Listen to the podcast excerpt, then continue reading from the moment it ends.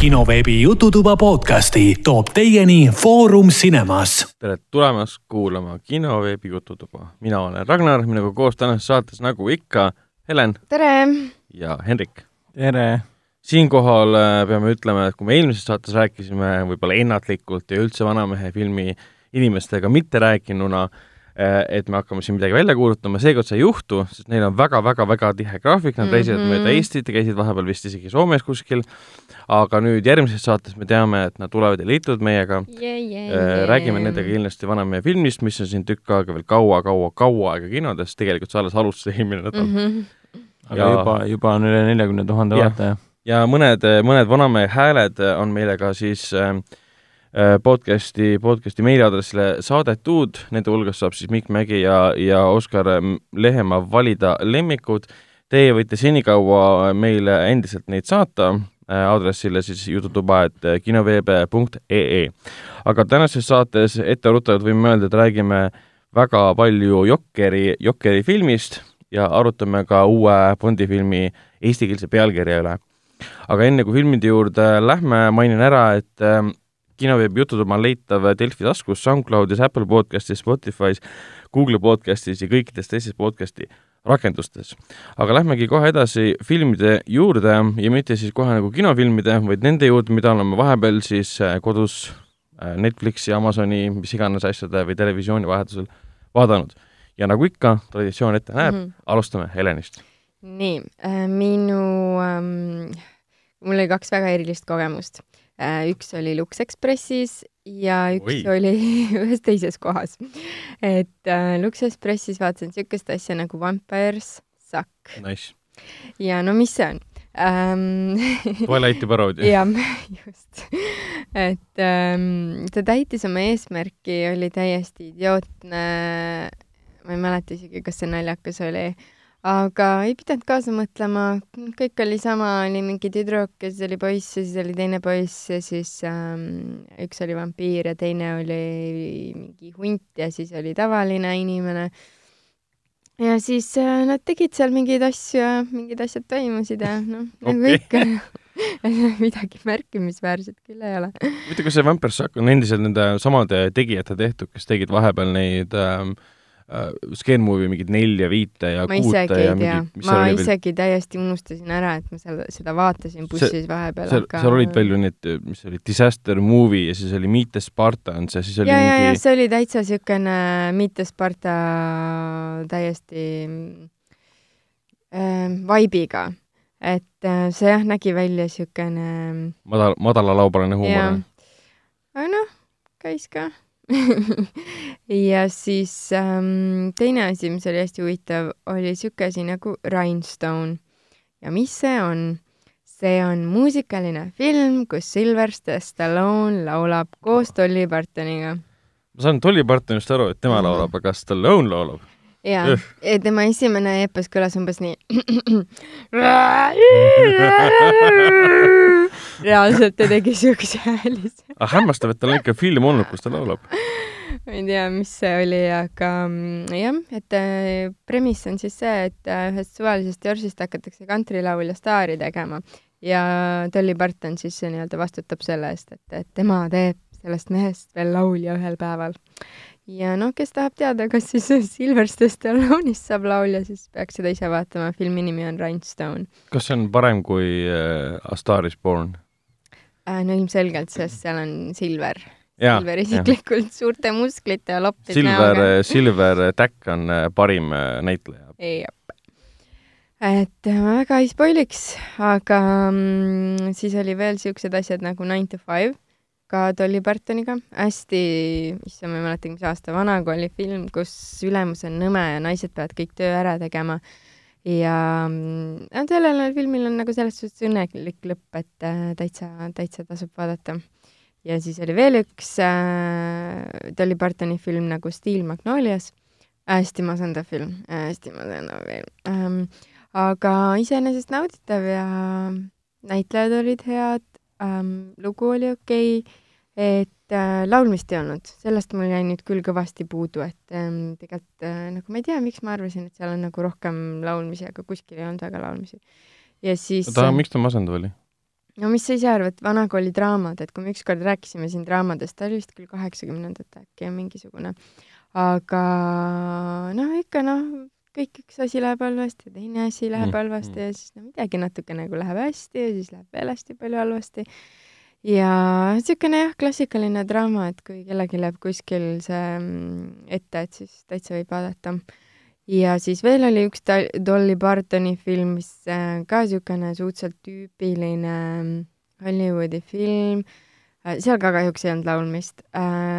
filmi nimi on Straight Talk, kus siis äh, üks äh, neiu, keda mängib Dolly Parton, tal viskab kopa ette ja siis ta läheb suurlinna, et temast midagi saaks.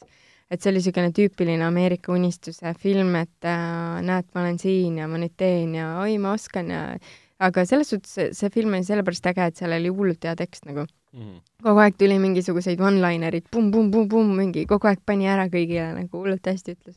et väga nauditav oli, et ma ei tea, kas ta otseselt komöödia oli, aga ta ikka mõjus naljakalt, et, et sellist asja nagu praegu kinos küll ei näe, et äh, karakterid midagi räägivad, aga midagi nagu ei ütle või, või ei tekita emotsioone, et nad ütlevad oma laine ära ja ongi kõik. aga siin oli ikkagi see straight talk, äh, seal oli ikka niimoodi, et tekkis mingi emotsioon ja tekkis mingi karakteri selline duaalsus ja dünaamilisus ja niisugune ikka nagu suhteliselt äh, hea vaatamine, ütleme nii. Selle filmi li- linnastamise ajal tegelikult Dolly Parton oli juba tuntud laulja. ei, ta oli ammu enne seda juba No no, kõikide nende enne seda, aga noh, ta on nagu näitleja ka olnud, ma ei mäletagi, mis aastal, see oli mingi ikka kõvasti ammu enne, kui tast sai kuulus laulja, kui need filmid tehti. siis see nagu Et, on rohkem, rohkem loogiline film kui see, et noh, vahepeal äh, vist Jennifer Lopez tegi kunagi oma näitlemiskarjääri alguses siis filmi ka, kus ta on algaja laulja, no ta oli siis juba ma popstaar ei mäletagi, aa okei okay,, selles mõttes. selles mõttes oli veider kombo, et sa õpid olema popstaar Jaa, filmis, aga sa oled juba te- seda päris ei no elus. võib-olla sellepärast Dolly Parton ei laulnudki nendes filmides, et tal noh, vaja põhimõtteliselt. oota, ma võin praegu eksida rängelt, aga Dolly Parton pole meie hulgast lahkunud, eks? ei, ta on lihtsalt suhteliselt äh,, ma ei tea, kui vana ta on. Las ma vaatan kohe, ta Ta on- on, ta on neljakümne kuuendal aastal sündinud, no arvuta. mm,. Mm. nojah, lähme edasi ta on vana. ma arvutasin teie eest, vanus on kolm tuhat üheksasada kuuskümmend viis. sa korrutasid selle kalkulaatoriga praegu või? kolm tuhat üheksasada kuuskümmend viis, see on äh, ta on igavene, noh. vä- väärikas vanus, ta näeb küll nagu väga igavene välja. seitsekümmend kolm. aa, no vot, see on nagu loogilisem jah. Sherry on ka mingi seitsekümmend pluss. aa, õigus jah, õigus jah. Vau, sul oli siis mõnus äh, Dolly, Dolly Partoni nädal. ja, ja, ja päris hea oli. ja ma vaatasin, et sa võtsid ette ka hiljuti Netflixis alustanud South Park'i. ja ma panin, kogemata nägin, et, nad on nüüd äh, Netflixis ja siis ma, seal on, minu arust oli niisugune koht, et uh, The Best Of ja siis ma Mm. panin selle mängima uh,. osasid ma olin näinud, osasid ma isegi ei olnud näinud ja päris äge oli, väga hea üle, ma ei ole väga ammu vaadanud äh, South Parki nüüd, kunagi vaatasin kõvasti rohkem ja väga mõnus oli vaadata, et uh, mõni uh, mõni nali, mida ma olin näinud oli jälle naljakas, mõni asi oli nii loll, siis vaatad, et issand kui loll Mm. Aga ometigi toimib ja siukene, noh, siukene päris mõnus, ma ei teagi nüüd, Netflixis ei ole nad kõik olemas, et Äh, seal on kakskümmend üks hooaega, tegelikult mm. -hmm. praegu vist kahekümne kolmas lõppes või jookseb veel. mida, äkki jookseb või et ähm, vaatab, kaugele ma jõuan või kaugemale lähen nendega, lihtsalt siuke hea chill, ma mäletan seda ühel hetkel mul viskas hullult kopa ette see, et see Cartman on ikka Äh, no sihuke imbetsill, et no anna otsad lihtsalt. Ja ta teeb nii lolle asju mõnikord ja siis ma mäletan, mingi aeg mul viskas see kopa ette. et ma ei viitsinud nagu seda vaadata enam. aga mm. no vaatab, mis, mis siit tuleb, et ma tean, et ma vist ei ole kõike ikkagi näinud, et kuna mingi aeg oligi see, et ah, ma ei taha enam siukest jauramist, et äh, siis ma jätsin mingi pausi kuskile. ei, mul oli sama, ma mingi aeg vaatasin iga nädal, aga siis ta jäi mul pooleli ja ma arvan, et mul jäi kuskil mingi kaheksateistkümnenda või üheksateistkümnenda okei, okei. või midagi, isegi seitseteist või kuusteist hooaeg kuskil seal jäi pooleli. sest kuskil oli jälle see mingi hull Trumpi teema ja siis ma mõtlesin, ma ei Jah, viitsi, onju. aa, mul se- seal vist jäigi, siis kui Trump hakkas presidendiks Mhm. saama, siis kuna see tegi katki mm. -hmm. äh, South Park'i loojad, sest see, Aa. mille üle nad nalja tegid, Aa. mis nalju nad tegid, muutus nüüd reaalsuseks mm, -hmm. nad Mhm. ei osanud enam nalja teha, siis seal kuskil jäi mul pooleli, seda rohkem pole vaadanud, ma ei tea, mis sellest nagu sai sellest teemast ja kõik see, et jah, et sellest uuest mul pole ka õrna aimugi, et pole selleni jõudnud, et mis seal kahekümne kolmandas hooajas siis toimub, et no seal ühes hooajas on mingi kümme osa tegelikult ainult, eks. ma ei tea. Nad ju, mul üks tuttav nagu hiljuti rääkis ka, et nad teevad mingi kolm episoodi jutti, iga nädal üks episood, siis on paus, siis veel kolm või umbes niimoodi seitse Mm. mm. episoodi ja siis teevad äh, pikema pausi. okay.. aga see on lahe jah, et sinna Netflixi jõudis ja lahe, et Netflix tegi sinna selle äh, top äh, nagu best äh, episodes valiku. sest noh, liiga, liiga, liiga, liiga palju hooaegu mm.. äh,. mina ise vaatasin ära, olen Brooklyn Nine-Nine'i siis seda viiendat hooaega vaadanud Mm. mm., sest sinna hiljuti lisandus siis äh, viies hooaeg äh,, vanasti oli ainult neli mm. Mm -hmm. Ja endiselt suurepärane, endiselt väga hea, hea vaheldus, mis iganes, ma ei suuda enam uuesti sõpru uuesti uue ringiga ringi peale minna. ma vaatasin ka sama asja, viiendat No. Netflixis, kuna see sinna tuli. mul oli see probleem, et ma ei saanud aru, kas ma olen seda näinud või ei ole. nojah, Äh, mul on tunne, et ma olen näinud, aga kuna sellest on ikkagi nii palju aega möödas, et vahepeal on mingid muud asjad elus toimunud, siis lähevad asjad lihtsalt meelest ära ja kuna huumor töötab, siis, siis, siis, siis lihtsalt hea meelega vaatan ja, edasi. ja, ja see Andy Sambergi ja nende tegelaskujude omavaheline kuigi vahepeal vahepeal tekib ka tunne, et äh, noh, ka läheb, vahepeal läheb meelest ära, et see on politseiseriaal. ja nad tegelevad üllatavalt vähe nagu reaalsete juhtumite arutamisega ja, ja nende lahendamisega, pigem oma, omavaheliste selliste jaburdustega. üle ühe episoodi vist nad tegelevad reaalse police work'iga ja ka vahepeal äh, ei ole sedagi üldse. Mm, mm. episoodi alguses keegi lahendas mingi suure juhtumi ja siis ülejäänud lihtsalt pu- pullit, pullitakse täiega niisama ringi. nüüd siin äh, viies hooaeg äh, mul varsti saab juba läbi ka, aga ta on nii kuradi lõbus ja, ja ta on nii kuradi igast otsast nagu hästi läbimõeldud äh, huumor ja mi- iga, iga loo lõpus on see klassikaline, et loome moraali mm, -hmm, et me saame mm -hmm, nüüd aru, mm -hmm. mida me õppisime selle episoodi jooksul, et tal on see klassikaline formaat, aga see lihtsalt nagu töötab suurepäraselt um,. telekast juhtusin vaatama siis äh, Thori esimest Mina- osa. mina vaatasin ka. Uh, kuna mina olen üks neist, kellele esimene Thor ja teine Thor üldse pole kunagi meeldinud, siis vaatasid Mm. igaks juhuks veel, jah? ja ma vaatasin, kuna ma vaatasin neid siis, kui nad omavahel välja tulid, mis see oli kaks tuhat kolmteist või midagi. Ja ega ta nüüd mulle rohkem nagu meeldima ei hakanud, aga ma hakkasin seal mingeid asju võib-olla rohkem hindama. kaks tuhat üksteist. et endiselt see action näeb seal väga kehv välja, see, mis toimub seal New Mehhik-, Meksikos siis, kus nad on see Natalie Portmani ja, ja selle äh, Stellan Skarsgardiga koos, endiselt ei ole naljakas, ei ole lahe ja umbes üks, kõik siuksed asjad, aga lihtsalt näitlejatööd, mis puudutab siis isegi Chris Chris Hemsworthi ja siis muidugi Anthony Hopkinsit ja eriti Tom Hiddlestoni, nendevahelised draamatseenid, isegi Rene Russo tegelikult, no on väga lahedalt lavastatud mm.. jaa, kui see Tom Hiddlestoni loki seal nõuab oma isa, isa käest papalt pärast story äh, väljaheitmist, et kuule, et kes ma siis ikkagi olen ja papa midagi ei ütle. röögiti oma peale, siis on see mingi vau wow,, miks sa, näitamine. miks sa varastasid mind kuskilt teiselt äh, Mhm. Rothschildite maalt ära, tõid mm. -hmm. mind siia, kasutasid Reaalselt mind sinu nagu- lapsena üles. emotsionaalselt röögib oma emotsionaalselt röögib oma isa peale, siis mingi jah, ja sa vaatad seda lõpulahingut, ma olen harjunud lõpu, Marveli lõpulahingutega umbes niimoodi, et sul on kaks tegelast omavahel võitlevad. aga siin on see, et sul kaks tegelast võitlevad, aga samal ajal Tom Hiddleston räägib oma tunnetest ja nutab ja röögib samal ajal oma vennaga ja see on nagu lahe samas ja kõik muu tundub väga niisugune fake, eriti mis Mm. puudutab seda mingi Rothschildite maa, Jotunheimi eh, suurt võitlust, see see kõik nägi nii halb, välja. üsna, üsna äh, Shakespeare'ilik. peamiselt just seetõttu, et filmi lavastas ju äh, Kenneth te- Branaga. te- teenekas äh, Briti äh, Shakespeare'i filmide lavastaja Kenneth Branagh. jah, pluss ta on ju teatrilavastaja ka, kus on Shakespeare lavastanud, et see on igast osast tunda. pluss sellele filmile mingisugune vist kõigi aegade kõige rohkem kasutatud neid ähm, operaatori töö seda terminit, seda touch angle, Mm. mis asi? touch angle, Touch angle. kõik kaadrid, mis on äh, maal, on viltused. Mm. Nad sõidavad sisse viltused, filmitakse näitlejaid viltused, kui on mingi suur emotsionaalne või suur sündmus toimumas, on kaamera lihtsalt viltu. see ei ole lahe.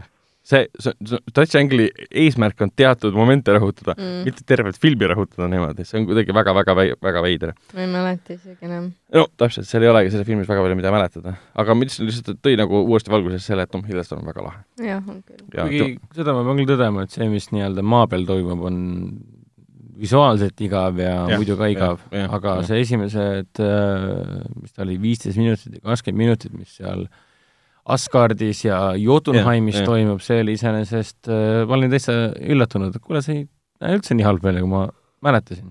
mm,. Mm. seda, seda ma võiks täitsa vaadata, seda, seda, mis seal toimub. No seda me pärast nagu õnneks saime ka, et Dark World, üks story teine osa läks aina hullemaks äh, igavus kuubis, aga siis lõpuks tuli Ro- Ragnarok, et sul oli vaja ühte tarmukat äh, uusmeremaalast mm., kes nagu äh, Jep. mõistaks, mida ta teeb. Jah, täpselt. Uh, lisaks vaatasin Netflixist ära mm, sellise filmi nagu In the Shadow of the Moon, mis on siis Jim Mickle uh,, Mickle'i uue uh,, uus film. See on see tüüp, kes tegi vahepeal niisuguse um, trilli nagu Golden July, mida ma pole näinud. ei ole ühestki kuulnud. Aga- Ryan Cranston ja jah, aga tema Henry esimene tema esimene film oli Stakeland, mis Jah. oli festivali äh, kavades igal pool sees, väga kvaliteetne post-apo film, väga ägedate näitlejatega. post-apo oli selle poolest, et sinna oli pandud sisse vampiirid, aga need vampiirid käitusid nagu zombid, et nagu zombid on nagu maailma üle võtnud, aga nad olid nagu vampiirid. ja ma mäletan, see oli väga-väga-väga võimas film see oli veel HÖFFil ka või? mm,. võimalik jah, ma ei mäleta täpselt. HÖFFil see oli mingi kaks tuhat üheksa äkki film. aga In the Shadow of the Moon põhimõtteliselt on selline totaalne žanri segu, mis leiab aset mingi, mingi kolmekümne, neljakümne aasta jooksul. ja kogu, ma ei hakka midagi ära reetma, sest ta on väga stiilne film, isegi kui lõpp ei meeldi, umbes niisugused asjad, ta on väga-väga stiilne. ja kogu filmi point on selles, et sul on peategelane, keda mängib eh, Boyd Holbrook, keda me oleme näinud siin Predatori filmis, see viimane näiteks, pluss ta mängis Loganis seda pahakelelise robotkäsi. Ta on niisugune low-key ähm, Ryan Gosling ähm, Charlie Hunnam-ish näitleja põhimõtteliselt Mm. ta on väga sümpaatne, toimib ja see-. Loganis tal oli ju väga niisugune Jah. noh, viljani roll no., paha roll nii-öelda, aga ta oli väga lahe, seal. siin ta kannab nagu draamaelemente ja kõike seda suurepäraselt välja. ja filmi point ongi selles, et sul on, see oli kaheksakümnendatel, jah, kaheksakümnendatel on uurija, kes ühel hetkel, ta ei ole uurija veel, ta tahab uurijaks saada ja avastavad ühel hetkel, et ühel päeval eh, õhtul sureb korraga linnas mingi viis inimest, täpselt samamoodi. ja siis hakkab peale nagu manhunt, avastavad, kes on selle taga, hakkavad selle taga ajama ja see inimene sureb tagaajamise käigus. ja siis üheksa aastat hiljem ilmub seesama inimene välja, hakkab uuesti mõrvama. ja siis üheksa aastat hiljem ilmub sama inimene välja, hakkab uuesti mõrvama. ja siis üheksa aastat hiljem hakkab samamoodi Vau, uuesti spoilers mõrvama. ma ei, ma ei spoil rohkem mitte midagi, selles mõttes see ei ole spoiler, see on filmi süžee. ja miks ta seda teeb, kuidas ta seda teeb, mis seal toimub, kuidas see peategelast mõjutab, see on väga, kohati nagu väga klassikaline, ehk siis ta kaotab midagi väga tähtsat oma elus, hakkab jooma, kasvatab oma last, aga ei tegele lapse kasvatamisega, siis ta muutub nagu obsessiiv selles suhtes, kes on see mõrvar, kuidas ta on Mm. kogu aeg, see ilmub äh, üheksa aasta tagant. ja ta ongi nagu selline, kuidas nüüd öelda, ta on nagu Terminaator pluss mingisugused noaarfilmid pluss erinevad ulmefilmid kokku pandud. lõpp läheb veits käest ära, selle koha pealt väga lihtne lahendus keerulisele loole on tehtud. okay. aga see nagu, väga paljud kriitikud olid jumala vihased selle filmi Mhm. peale, et nende arvates see lõpp hävitas kogu filmi Mhm. headuse ära, minu silmis mitte, sa võid lõpu nagu välja arvestada või mitte selle peale nii palju mõelda, see ei hävita kogu eelnevat filmi ära. ta kestab kaks tundi ja ta on, ütleme, ulmežanri fännile väga-väga tuus asi, mida vaadata kindlasti. okay. Ja lisaks vaatasin ära ka nüüd siin jah, päev enne podcast'i siis äh, tuli ähm,, tuli äh, Netflixi In the tall grass mm. mm. -hmm see on siis äh, selle ähm, Stephen Kingi ja tema poja siis Joe Hilli äh, novellil põhinev film äh,, mille lavastas, kui ma ei eksi, oli see Vincenzo Natali äh,, kes lavastas, mida ta lavastas, Cube'i tegi kunagi see üks õudukas mm Mm -hmm. -hmm. ja siis tal oli vist see Splice oli ka, seda ei tea. Kus Adrian Brody ja üks naine Sarah Polly. Sarah Polly põhimõtteliselt splice isid mingi olendid kokku äh, kasutasid omaenda geene ja laboris loodud geene, et kokku panna uus inimene. asi, asi väljus muidugi kontrolli alt. jah, jah. ma Aga- mäletan, see oli omal ajal kaks tuhat üheksa äkki midagi taolist. ikka ammu, see oli ikkagi, see oli vägev, vägev film, sest Jah. ta tegi midagi teistsugust ja oli kuidagi noh, julge, verine ja rõve ja perversne. Ja no Cube oli ka lahe, selles mõttes inimesed on kuskil kinni. ja, ja, ja tundub, et see reisijal nagu ta jätkab äh, sarnaste filmide tegemist, sest In the tall grass on ka mõnes mõttes lugu sellest, kuidas inimesed on kuskil kinni.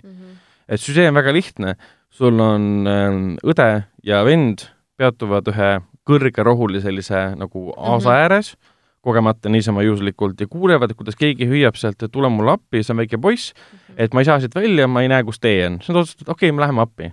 Lähevad sisse, enam välja ei pääse. mm.. Ehk siis aeg liigub väga kiiresti, aeg-ruum läheb segamini, nad ei saa aru, kaua seal olnud on, seal on teiste inimeste hääled ka sees mm, -hmm. mis paneb paika selle filmi nagu võlu, on see, et väga hästi lavastatud see, et äh, kuidas aeg-ruum on segamini.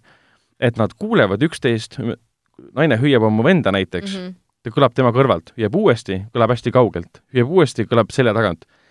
ja siis ajuruum on täiesti segamini. aa, et sa ühel hetkel kuuled, kuidas sa ise hüüad oma venda või? ei, ei, sa hüüad oma venda, kes tundub sulle hästi lähedal, sa hüüad teda uuesti, tegelikult ta on hästi kaugel.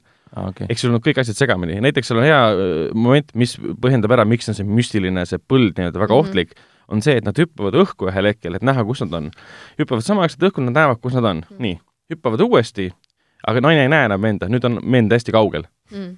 ja, ja see ongi põhimõtteliselt, ta muutub selliseks, kuidas nüüd öelda, psühholoogiliseks äh, filmiks, kus tegelased peavad aru saama mingitest vigadest, mis nad elus on teinud äh,. see on kui klassikaline õudusfilm põhimõtteliselt, et see ei räägi tegelikult õudusest, mis neid taga ajab ja tappa üritab, see pigem räägib nende enda probleemidest, mida nad peavad seal lahendama selle õuduse keskel, et sellest välja tulla uh,. aga ta nagu, nagu kogu aeg esitab sulle küsimärke, mis tegelikult toimub, Mhm. pluss narratiiv on väga huvitavalt, ma ei, ma olen raamatut muidugi lugenud, narratiiv on väga huvitavalt kokku pandud.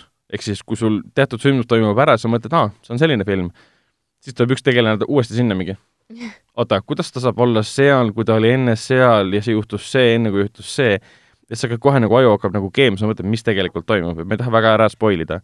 aga ta on õnnestunud, ta on tore, ta lõpus läheb kuidagi, tundus, et mõtted said otsa, et me hakkame lihtsalt montaažiga mm hakseldama ja paneme mingid visuaalsed kiused sinna sisse, et nagu täita sisu ära põhimõtteliselt, aga okay. muidu tore. vot, aga Hendrik, mida oled sina vaadanud ah,, sa juba rääkisid tegelikult Brooklynist. jah, Brooklyn ja Thor, et ega ma rohkem ei olegi midagi vaadanud. no selge uh,, eelmisel nädalal alustasid kinodes Draakoni pitseri saladus, millest on ka kinoveebis uh, Lauri Jürisoo kirjutatud arvustus uh,, mis uh, tema hinnangul on uh, film, mida tasub vaadata ainult sellepärast, et seal on Jackie Chan ja Arnold Schwarzenegger okei. Uh, siis tuli veel kinodesse Lammas Shaun film Farmigedon muidugi tuli veel Vanamehe film, millest me rääkisime eelmises saates, Informaator uh,, kelleks, kellel poleks saladusi ja Meeri needus uh,. meie räägime tänases saates filmidest nagu Jokker, mis alustab sellel nädalal ja siis ka nagu Lammas Shaunist, mis alustas eelmisel nädalal. Vanamehe filmist me juba eelmisel nädalal rääkisime räägime kähku Heleniga Lammas Äh, Lammas Shaun on siis Aardman Animationi uus äh, film, see on seesama stuudio, kes ongi teinud kõik need Wallace ja Gromiti, noh, üks film vist on olnud täpselt plastiliini, plastiliini animatsioon. ja nemad on teinud siis Lammas Shauni need ühe, üks varasem film, pluss on olnud need lühianimatsioonid, mis on Youtube'is ja ETV-l juba mm -hmm. jooksnud. Ja filmi põhimõte on see, et siis, et sul on lammas nimega Shaun, kes avastab äh, äh, tulnuka, kes maandub tema külas. ei, ta on ulakas lammas, kes ei suuda olla kuidagi. Minu arust see oli väga tore algus üldse filmis äh, sissejuhatusena, et äh, kui story telling wise, et kuidas lugu jutustada. no sa alustad sissejuhatusega ja mulle, noh, ma olen jah kunagi näinud äh, üht-teist äh, neid väikseid, neid lühimultikaid või animatsioone kuskilt ETV pealt, aga ma pole kunagi väga vaadanud Mm. aga no kui silma jääb, siis, siis nagu on. ja see, kuidas äh, siis see täispikk film algas, see oli nii äge, et ähm, see lammas on mingi hüperenergiline, ta on siuke jube nunnu näeb välja ka, siis ta on siukene, ta on siuke paharet, kes suudab kõiki kaasata, ehk siis neid teisi lambaid ka yeah. oma lollustesse. ja siis oligi see, et ta tahtis teha kõike seal farmis nagu, tahtis äh, hüpata, karata traktori peal, ta tahtis äh, mängida, mis see siis on see, viskad ketast, seda discgolf a la onju umbes nii, jah siis ta tahtis Ra. Ra raketist teise veits välja tulistada, tahtis pitsat. tellida, tahtis, no ta tahtis kõike teha ja ta nagu, ta, kusjuures ta on ka väga tegus, ta peaaegu kõike tegigi aga siis tuleb see filmi nii-öelda mitte otseselt paha pool, aga niisugune takistav jõud, siis see koer, ma ei Mm. tea, kas, kas tal on nimi või ei ole. kindlasti on, aga filmis seda ei nii öeldud. koer äh, paneb igale poole need keelumärgid ette, ei tee seda, ei tee seda, ei tee seda, ei tee seda. ja siis tal ongi niimoodi, et appi, mis ma siis tegema pean, hullult igav on, onju. ja siis äh, hakkabki film äh, sellega pihta, et ähm,, et siis ta leiab endale uue sõbra. Et äh, ma ei tea, kas see on treileris olemas, kes tal on jah, et kes, kes ta uus sõber on. poster olemas. jaa, okei okay.. ja siis äh, nad hakkavad koos selle uue sõbraga seiklus, seiklema ringi ja siis äh, ühel hetkel siis nad vaid- otsivad koduteed sellele sõbrale. ja minu arust väga äge, väga nunnu oli. mina itsitasin täiega, jah, mina ka. minu arust see oli jumala naljakas. Et see oli kõvasti naljakam kui väga paljud komöödiad, mis tahavad ennast naljakateks äh, nimetada, et äh, kas see oli parem kui Vanamehe film? Äh, no selles suhtes on raske võrrelda, et üks oli ikkagi jalaga tagumikku nali ja teine oli ikkagi selline äh, iga, iga vanuse jaoks nali, et no mitte jalaga tagumikku nali, aga pigem nali rohkem täiskasvanutele. aga jah, Lamassiooni film on pigem, pigem kõigile, sest meie mm. seansil olid ka väiksemad lapsed ja me olime seal väiksema lapsega koos ka yeah um,. Jaa, ma olen sinuga täiesti nõus, hästi nunnu ja mm -hmm. armas ja tore ja seal on täpselt see, see lambahääled ja kõik need eh, farmi elu põhimõtteliselt yeah. ka ja kui see tulnukas sinna saabub, see tekitab siis niisuguse tulnuka palaviku selles mm -hmm. pisikeses Briti külas, kus siis kõik kohalikud reaalselt kõik see oli see muusika ka või? ei mäleta tegelikult, oli küll, pidi olema, ta oli teistsugune natukene yeah. nagu. Aga seal oli see üks tulnuka jahtija, see naine, kes ja, lähe, läks ühest salajasest uksest sisse. Ah,, mille sa said sisse ainult siis, kui sa kasutasid eh, teatud heli ja, ja selleks oli ah, X-Filesid, vilistas seda siis. Ja seal ongi see, et see tekib see tulnuka hullus, tulnuka palavik mm, -hmm. inimesed lähevad hulluks selle pealt äh, pärast siis tulevad tulnuka jahtijad muidugi, kelleks on mingi salajased agentuuri liikmed põhimõtteliselt. Ja hästi suur sekeldus, sekeldus, sekeldus. mis mulle tibake nagu häiris, et nagu filmi tempot tõmbas maha, et neid äh, montaaži äh, lõike, kus kujutab, või montaaži episoode, kus kujutati nende seiklusi, oli korraga niivõrd palju kohati, et see mul läks nagu igavaks. aa, ma ei pannud tähelegi. Äh, aga see on täiesti mingi subjektiivne asi, mida mm. ma pärast nagu filmi tundsin mm., kuidagi tühi tunne ja sisse okay.. aga samas tagantjärgi mõtlesin, see kõik oli väga tore, kuidas mm -hmm. nad käisid seal supermarketis näiteks, kuidas Tulukas esimest korda puutus kokku kommidega ja mm -hmm. rõgises selle peale. see oli ka niisugune jah, fun situatsioonikomöödia, et. Kuidas nad prügikastiga ringi sõitsid ja, ja kõik niisugused asjad, kuidas nad kosmoselaeva läksid ja me saime teada, kes ta tegelikult on, et ta pole suur võimas tulnukas, ta on lihtsalt nagu mm. eksinuke. pluss äh, überlihtne, kordagi ei pea ühtegi äh, tõlget alt lugema, et subtiitreid ei ole, sest teksti ei ole täpselt, täpselt siis ongi lihtsalt nagu passid, vaatad, jumala suva nagu ja no muusika nagu rääkis enda eest, pilt rääkis ja. enda eest, ilmed rääkisid enda mm. eest.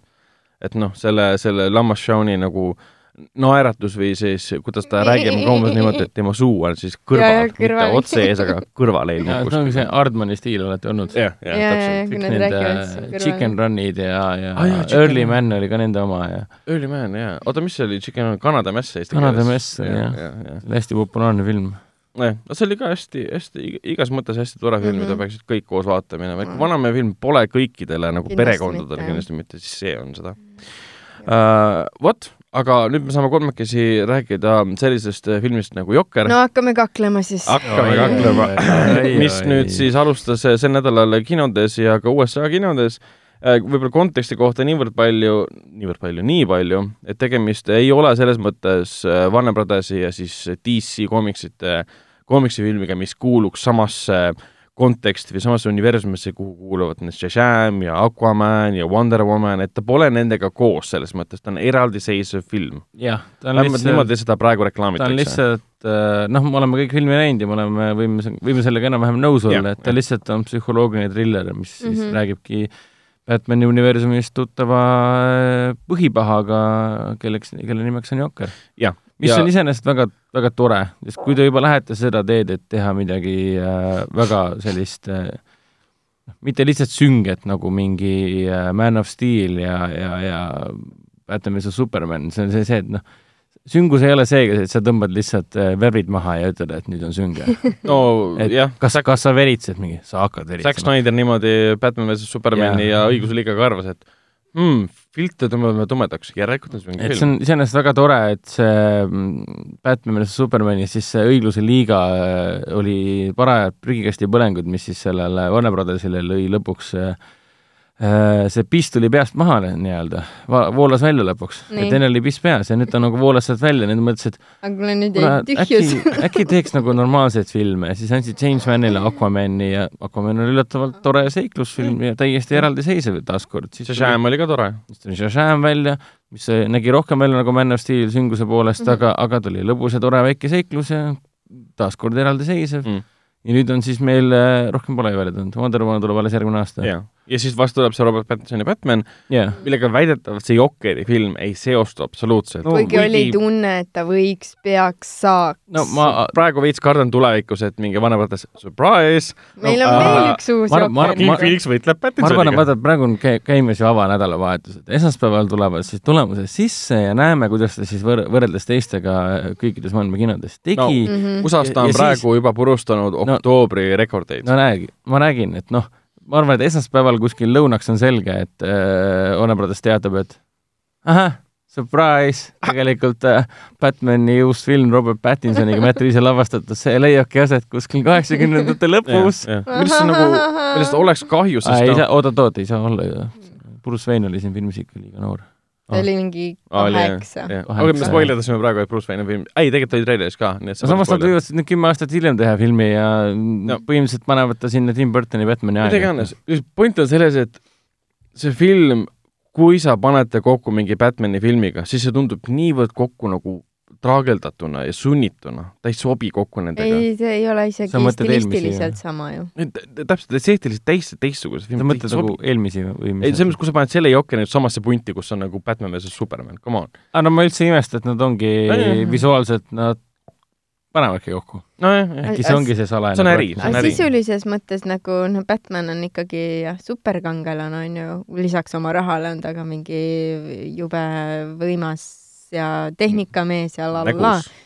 aga siin selles Jokeri filmis ju meil ei olnud üle, ülemeelikud üle supernatural, üle, üle, Üleinimlikke. üleloomulik. üleloomulikke faktoreid meil ei olnud Jah. ja see, et kui üks peategelane kannatab mingite vaimsete probleemide all, see ei ole üleloomulik, see on Ei. inimlik äh, konditsioneer, ei olnud, konditsioon, konditsioneer. väidetavalt on äh, Jokeri äh, eelarveks ju kuuskümmend neli kuni seitsekümmend miljonit, ma ei tea, kas see on production budget või on see Mm. kogu budget nii-öelda, aga juba see eelarve summa nagu näitab, et äh, jõu, kus eriefektid jäid siis, et nagu ei lendagi midagi õhku ja nagu siin muidugi lendab asju õhku, aga lendab nagu normaalselt õhku. kuigi tulles tagasi praegu Heleni öeldu juurde, et ta ei ole üleinimlike Mhm. võimetega, üleloomulike võimetega, mis läheb veits kokku veel sellega, et tegelikult Jokkerit on alati filmides ja koomiksid kujutatud ju hullumeelse tüübina mm. -hmm. aga ta on ka geniaalne, alati Jah. olnud seda. Kas ta Ar. Artur Fleck Jokkeri peategelane tundus teile geniaalne ta või? oli täielik mm, töll. ta oli nagu ta, suvapläust Jah. lihtsalt. kas see no ta, ta ei ole, ta ei ole super põhipaha. ei, selles Selles mõttes Ei. selles filmis nii palju võime öelda, et eh, see film ei kujunda äh, Jokkerist legendaarset ikoonilist Batmani põhipaha, kes suudab kes Batmani hulluks ajada ja, ja, ja pigem, pigem jääb mulje, et et see sõna Jokker või see, et ta on Batmani üks vaenlasi, pandi sinna filmile loole nagu hiljem juurde mm.. ja siis tehti lugu ühest äh, saamatust tüübist, kes muutub hulluks ja läheb mõrvalikule teele. siis pandi sinna, aga ühendame selle Jokkeriga sellepärast, et äh, siis lähevad kõik seda vaatama mm. Mhm. kusjuures -hmm. ja äh, Reisjör, mis sa tahtsid öelda? täpselt, ma ei tea, kas ma nüüd tahan sama asja öelda, mis sa tahtsid öelda, aga ma eile just lugesin Todd Phillipsi kohta ja kes on see Äh, filmi reisjör? Kes on siis filmi režissöör ja ka selliste film, sellise filmiseeria nagu äh, Pohmaka ehk siis Hangoveri äh, looja mis on kohati nagu kummastav, aga samas nagu ei ole ka, sest no ta ongi jah, ta ei ole tark film, ta ei ole intelligentne. ei, ma tahtsin pigem nagu, seda öelda, et kummastav on see, et siin on üldse nagu palju koomikuid, kes on noh hu, huumoriga seoses äh, näitlejaid ja lavastajaid on läinud üle väga äh, tõsistele teemadele, noh, võtame Adam McKay, Anchormani režissöör, läks teeb poliitikat põhimõtteliselt, majanduslikku asju, kõike hästi tõsiselt. Green Booki reisjör oli ka ju varem ju see tüüp, kes tegi Jaa, neid Green Booki äh, Dumberer filme Jim Carrey'ga. ja, ja ei see mm, tuletage Ben Stilleri ja siis selle Cameron Diazi film uh,. Mary filme. Something about Mary või Jah. ja.? see on selle, selle filmi režissöör. ja nüüd tuleb siis Todd Phillips ja huvitav, ma eile nagu uurisin veits teda nagu tausta ka ja siis Phillips nagu olevat kuskil isegi intervjuus öelnudki, et eh, jaa, me stsenarist, teise stsenaristi Scott Silveriga siis äh, taht-, meil oli, meil oli mõte see, et me, me otseselt ei tahtnud teha Jokeri filmi see ei olnud nagu eesmärk, me tahtsime mm. -hmm. teha äh, vaimselt ebastabiilsest äh,, no põhimõtteliselt vaimu, vaimuhaiguse käes äh, vaevlevast äh, mehest äh, tõsise filmi. aga siis nad mõtle-, mõtlesid, et Niki, aga kuidas me nüüd veename äh, Jah, suurt stuudiosüsteemi, et me maskeerime selle Jokeriks, sest tavaliselt on nagu teistpidi, et noh, meil on nüüd äh, suur superkangelase film, aga me, me maskeerime selle hästi tõsiseks filmiks nii-öelda Mm. mm.. Nemad mõtlesid, et okei okay,, aga nimetame siis selle jokkeriks ja teeme ta jokkerist ja. siis me saame hästi palju raha ja siis Jah, tuleb publik seda vaatama. ja kõik see osa toimis, ainult et see sisuline pool minu arust absoluutselt ei toiminud. et äh, ta ei olnud nagu piisavalt piinatud, ta ei olnud piisavalt suurte probleemidega, tal ei olnud nagu jah, tal oli kuskil Ta oli- midagi kehvasti, aga see ei kandnud ekraanil välja Hmm. et äh, see oli nõrk, see oli tõesti nõrk, et äh, ta sai nagu isegi liiga hästi hakkama oma eraelus, nagu me ei näinud kunagi kuskil seda kohta, millega tal tegelikult probleem oli. millal me nägime seda kohta, kus tema probleem eraelus oli, kui ta enda maski või selle jokri ähm, grimmi maha võttis? mis oli tema kõige suurem probleem? ta oli seitsme erineva, oota, kas see on spoiler või?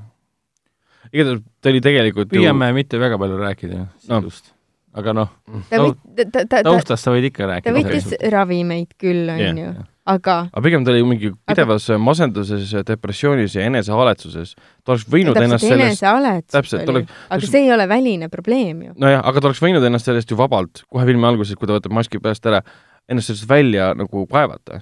Aga ta ei teinud seda, ta süüdistas kõiki teisi selles, mis temaga toimub. kas me kordagi nägime, et tal oli mingi söök, söök, et tal ei olnud süüa, et tal ei olnud kodu, kus Noh, elada meil oli ainult tema ema, kes korrutas, et nad on vaesed. ja, ja, ja, ja, ja, ja need suhted emaga nägid väga head välja. treileris me näeme, et nad Nägid vä- tantsi-, nad tantsivad see lõppes väga hästi nende jaa. suve, jah. jah, et noh, et ongi see, et see, mis me nägime kõik, see ei vastanud nagu sellele, mis nagu lõpus juhtub või millised need ootused on, et et minu jaoks oli see nagu niisugune Eesti film, mida sa vaatad ja vaatad wow. Ja midagi ei juhtu. okei okay,, lõpp oli okei okay,, lõpp oli ilus, aga veel, no see on nagu lõpp oli ilus, aga see viimane tseen mulle ei meeldinud. see nojah oli, täiesti ebavajalik. jah, ülepingutatud veits. aga lihtsalt nagu minu jaoks oligi see kõige igavam, et, et seda välist pinget ma ei näinud.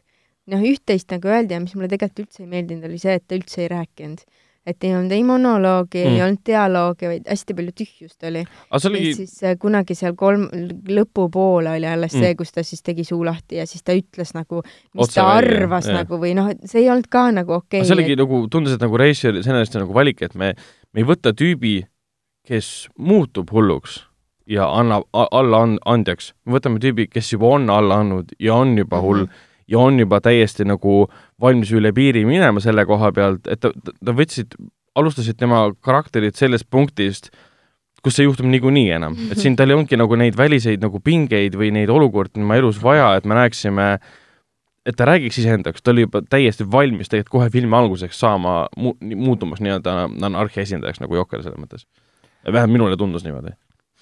ei no õnneks oli ka see, et noh, siin tuleb see noh, kuidas seda öelda, mässule õhutamise teema tuleb siin filmis küll sisse, noh, Jokker on seda alati ka olnud, sest äh, Jokkeri teema on alati see olnud komiksites ja filmides, et, et ta, tema teod äh, õhutavad ka teisi mm. -hmm. tegutsema ja ta laseb väga paljudel äh, nimetutel, näotutel äh, massidel tema eest teha jõhkraid tegusid nii-öelda, ehk siis no nagu sellepärast ongi see kuidas eesti, clown prince of crime, ehk siis noh, jah, umbes nagu Nolani Batmanis sama, Nolan Dark Knightis samamoodi, et äh, Joker oli nagu jõud, mis inspireeris teisi kurjameid äh, julgemad olema just aga Dark Knightis ta oli oma tegudest teadlik tegelikult. Jaa, jättis jaa. maailmale mulje, et ta on nagu suvaline tüüp. si-, siin mulle nagu meeldiski, et nad äh, keskendusid eelkõige, no sellega me oleme nõus, et Joaquin Phoenix nagu vau wow., jaa, jah, sellega ma olen igatepidi nõus.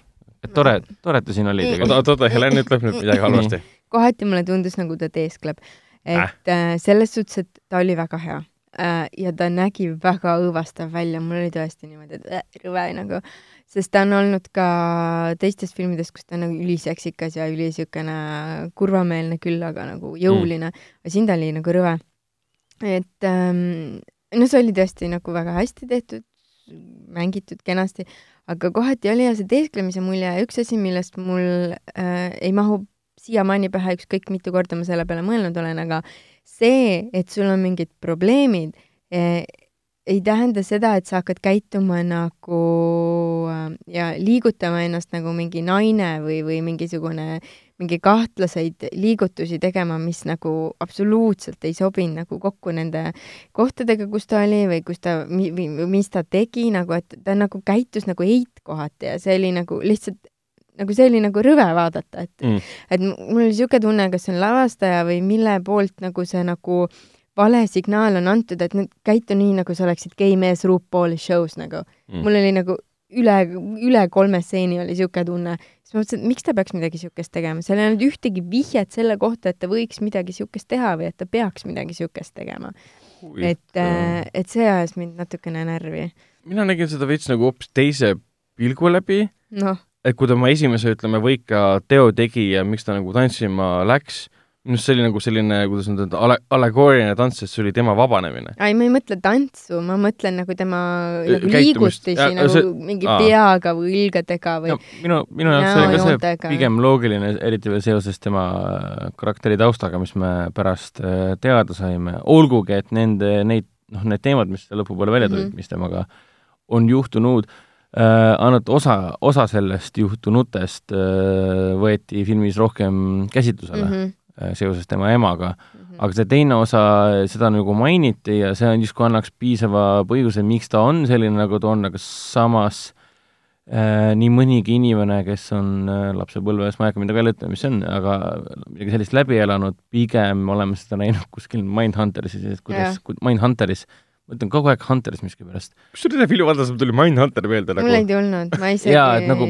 vaata, Mindhunter keskendub sellele, kuidas lapsepõlves läbi elanud inimene jah. muutub siis põhimõtteliselt äh, vägivaldseks hullumeelseks sotsiopaadiks või psühhopaadiks. Mm. Äh, Jokker oli rohkem siis sotsiopaat, aga, aga siin nad väga ei, ei tegelenud sellega, aga samas nagu väga ei häirinud ka, sest need elemendid andsid mulle piisavalt selle äh, liha kätte, et ma saaksin äh, ise äh, panna sisse justkui Mm, jah, see on oma, äh, oma, ainuke oma asi mille peale ma mõtlesin korra, aga siis mul oligi see, et noh, et come on, söötke mulle veel seda sisse, ma tahan seda uskuma jääda, et andke ja, nagu veel ja. midagi. aga seda ei tulnud ja siis mul oligi, okei okay,, noh, sellega ma, ma nõustun selle koha pealt jah, Heleniga puhtalt sellepärast, et mulle tundus, et Todd Phillips ja siis operaator, kes on ka Hangoveri filmide operaator, nad nautisid rohkem seda, et me nüüd filmime äh, Joaquin Phoenixi näitleja tööd mm, -hmm. ma ei pea Mhm. silmas muidugi dialoogide esitamist ega lihtsalt näitleja tööd, vaid seda, kuidas ta on kaadris mm, Mm. -hmm. kuidas ta liigutab kaadris jaa, et nende jaoks oli et väga see tundus tähtis neile olulisem kui see, et me anname konkreetselt info välja ja mõnes mõttes see nagu ei töötanud loo kasuks. et seetõttu jäigi mulje, et tegelikult Jah. filmis oli lugu vähe.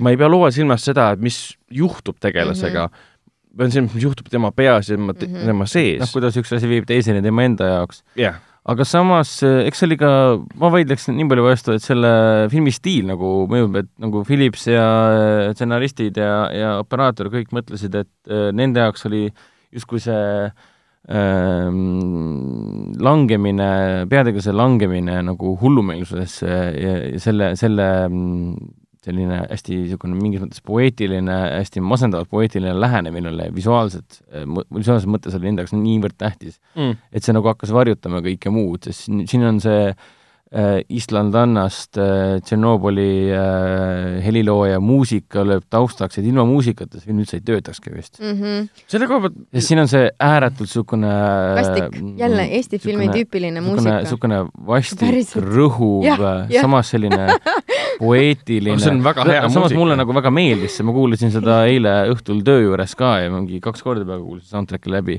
Et see on selline hinge alla pugev, mõistusesse pugev, kuskile siia ajukolpa, kolpa äh, roniv muusika, samal ajal kui see peategelane liigutab aina imelikumalt, aina Mm. mm., läheb aina hullemaks, kõik sündmused, mis tal kuhjuvad mulle selline, selline, selline visuaalne poeetiline lähenemine nagu tegelikult meeldis selle filmi juures väga. et ja. selline, selline tantsisklev, et ma lähen aina hullemaks, et siin mul järjest toimuvad sündmused, mida ta ei suuda äh, hoomata ja, ja, ja ühel hetkel ta mõtlebki, et kuidas siis oma eluga edasi minna, kas siis lõpetada ära või siis minna edasi mm. Äh, jah, aga mulle endale, mulle endale see film tegelikult väga meeldis, kuigi ma olen äh, nõus äh, Raiko Puustiga, kes sulle kirjutas äh, Ragnar kinoveebi ka arvustuse Jokkerist. ahaa, kirjutas hea. Selles suhtes ma, selles suhtes nõus, et pärast filmi oli mul endal ka tunne, et et Raiko nagu ütles sulle või siis arvustuses ütles ka, et nagu polnud üldse kindel, et kas nad siis tegid liiga vähe või nad tegid liiga palju, kas siis mulle pigem ütles, et ta ei pannud kindel, kas talle film meeldis või mitte. jah, et mul on endal võttis sama, kaua aega, et aru mul on saada. endal sama tunne, et ühelt poolt sa nagu vaatad Batman'i universumist pärit äh, tegelase äh, esimest, esimest persoonifilmi, mis jah on, jah. literaali, see on päris ajalooline hetk tegelikult. see on esimene soolofilm, mis on Jokkerist tehtud. ja teiselt poolt tekib tunne, et äh, on ta siis nagu psühholoogiline triller, nagu ta olema peaks või mitte, sest noh, kui sa vaatad superkangelase filme, siis sa oled alati nagu kahe vahel, et kui vähegi läheb, minnakse draamaks, siis sa hakkad mõtlema, et noh, Nolan sai sellega hakkama, aga post-Nolan on alati see tunne, et okei okay,, nüüd tehakse draamat, aga on see nüüd nagu päris draama või on see niisugune fake draama, et noh, mis on see koht, et äh, võiks läbi saada, ma tahan action'it näha et juba. kas me nüüd oleme dramaatiline sellepärast, et, et veenda publikut selles, et äh, Clark Kent lase, laseks, laseks sellel äh, inimestel surra, sest äh, papa Kent ütles nii, et noh, lihtsalt selleks, et äh, me oleme draamat, teeme draamat ainult sellepärast, et mingid, mingid äh, on vaja. karakterile omased elemendid kok- mm., kokku panna, et see oleks mingi põhjendatud ja nii edasi. aga, aga mulle nagu film meeldis, et mulle meeldis see, visuaalselt on ta tõesti minu meelest hunnitu. Et ma tahan seda kiiremas korras uuesti vaatama minna. jaa, see, kuidas seda, seda nii-öelda Gothami linna, mis tegelikult meenutas mingit äh, äh, Taxi Driveri ja siis, no Martin Scorsese Taxi Driveri ja siis Mean Streetsi New Yorki pigem. see oli nagu tänapäevase filtri kaudu. kuidas, kaheksakümnendate New York, mis Jaa. on mattumas kuidas sellest äh, niiskusest äh, silerdavast äh, äh, asfaldist peegeldus see valgus ja kuidas alguses räägiti sellest, kuidas seal on siis ähm, prügiveo Prüg- prügiveokriis, et iga super kaadr, oli superrotid on ja, ja igas kaadris olid rotid, igas kaadris. ma vaatasin ka, et pärast keegi mainis, et kurat, igas kuradi kaadris olid Oli, jah. prügikotid. vist oligi ja nii. rotid ka ma ei tea, vot see oligi nagu see, et mul hakkas veits igav ja siis ma hakkasin vaatama detaile, siis ma nägin igal pool rotte nagu ja siis ma ei tea, no ma ei suutnud kuidagi et- samastuda. režissööri poole pealt oli nagu, režii poole pealt oli nagu minu meelest nagu iga kaader oli nii hästi nagu noh, läbimõeldud. Et kogu see samastumine ka, et see on kaheksakümnendad, meil on see prügikriis, kõik on prügi täis, kõik kohad on rotte täis, rahvas on vaesunud, rahvas on rahulolematu, kogu aeg seda korrutati ja see on linna rikkam inimene, Toomas Vein ütleb kõigile teile, et te olete klounid ja ma tulen teid, teie elusid parandama Jaa. ja siis kõik ütlevad fuck you, ma hakkan see on ka see asi, et siin filmis on olemas äh, Wayne'id, siin on olemas äh, Toomas Wayne ja siin on olemas Bruce Wayne, kes on väike kaheksa-aastane poiss tõenäoliselt Mm. ja on olemas tema äh, pere, ülejäänud perekond nii-öelda, Marta Wayne. Et nemad on siin täitsa olemas, see on kaheksakümnendates aset leidnud lugu, aga ühegi teise Batman'i filmiga me ei, ei, ei saa ja. seda hetkeseisuga seostada. Ne, nende olemasolu filmis ei ole ka nagu selliseks muudetud, et et sa pead midagi Batmanide kohta teadma. sul pi-, pigem piisab sellest teadmisest, et Thomas Wayne on rikas mees. ja see see see ei ole film sellest, kuidas äh, Artur Fleck äh, saab jokkeriks, et siis äh, Wayne'idele kallale minna. See ei ole Mm. film sellest.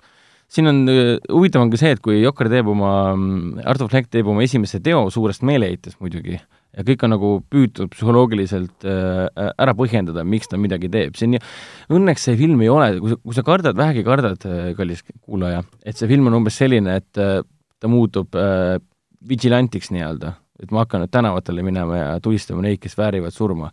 see ei ole selline film, see on hoopis nagu teistmoodi, siin on päris palju rõhutatud ka sellele, et äh, tema teod äh, väljuvad äh, temast sõltumata nagu kontrolli alt ja tema ei pruugi üldse tähele pan- pannagi, mis toimub tegelikult. ja mulle see tegelikult väga meeldis, et nad ei muutnud Jokkerit nagu poliitiliseks või, või nagu et tema on mingi sümbol. et kui ta olekski lõpus muutunud geniaalseks kuritegel-, kuri, kurjategijaks, kes koondab enda- ümber mingi kamba aega kaaskorraldamiseks, väga pettunud olnud. jah, see oli hästi selline ikkagi jah, üksilduse Täpselt, film, et äh, üks mees against the world. pigem oli see nagu tore, et siin ei, ei tulnud nagu välja seda, et ah, mul on mingi master plan, et kuidas mm Mhm. -hmm. Gothamit maha see oligi nagu eraklikust, üksildasest äh, depressioonist, masenduse, psühholoogiliste probleemidega tablettide mõju all olevast mehest. kes tegelikult isegi ei tahtnud oma august välja tulla. ei, ta üritas nagu kogu filmi jooksul leppida sellega, et tegelikult mulle august meeldib.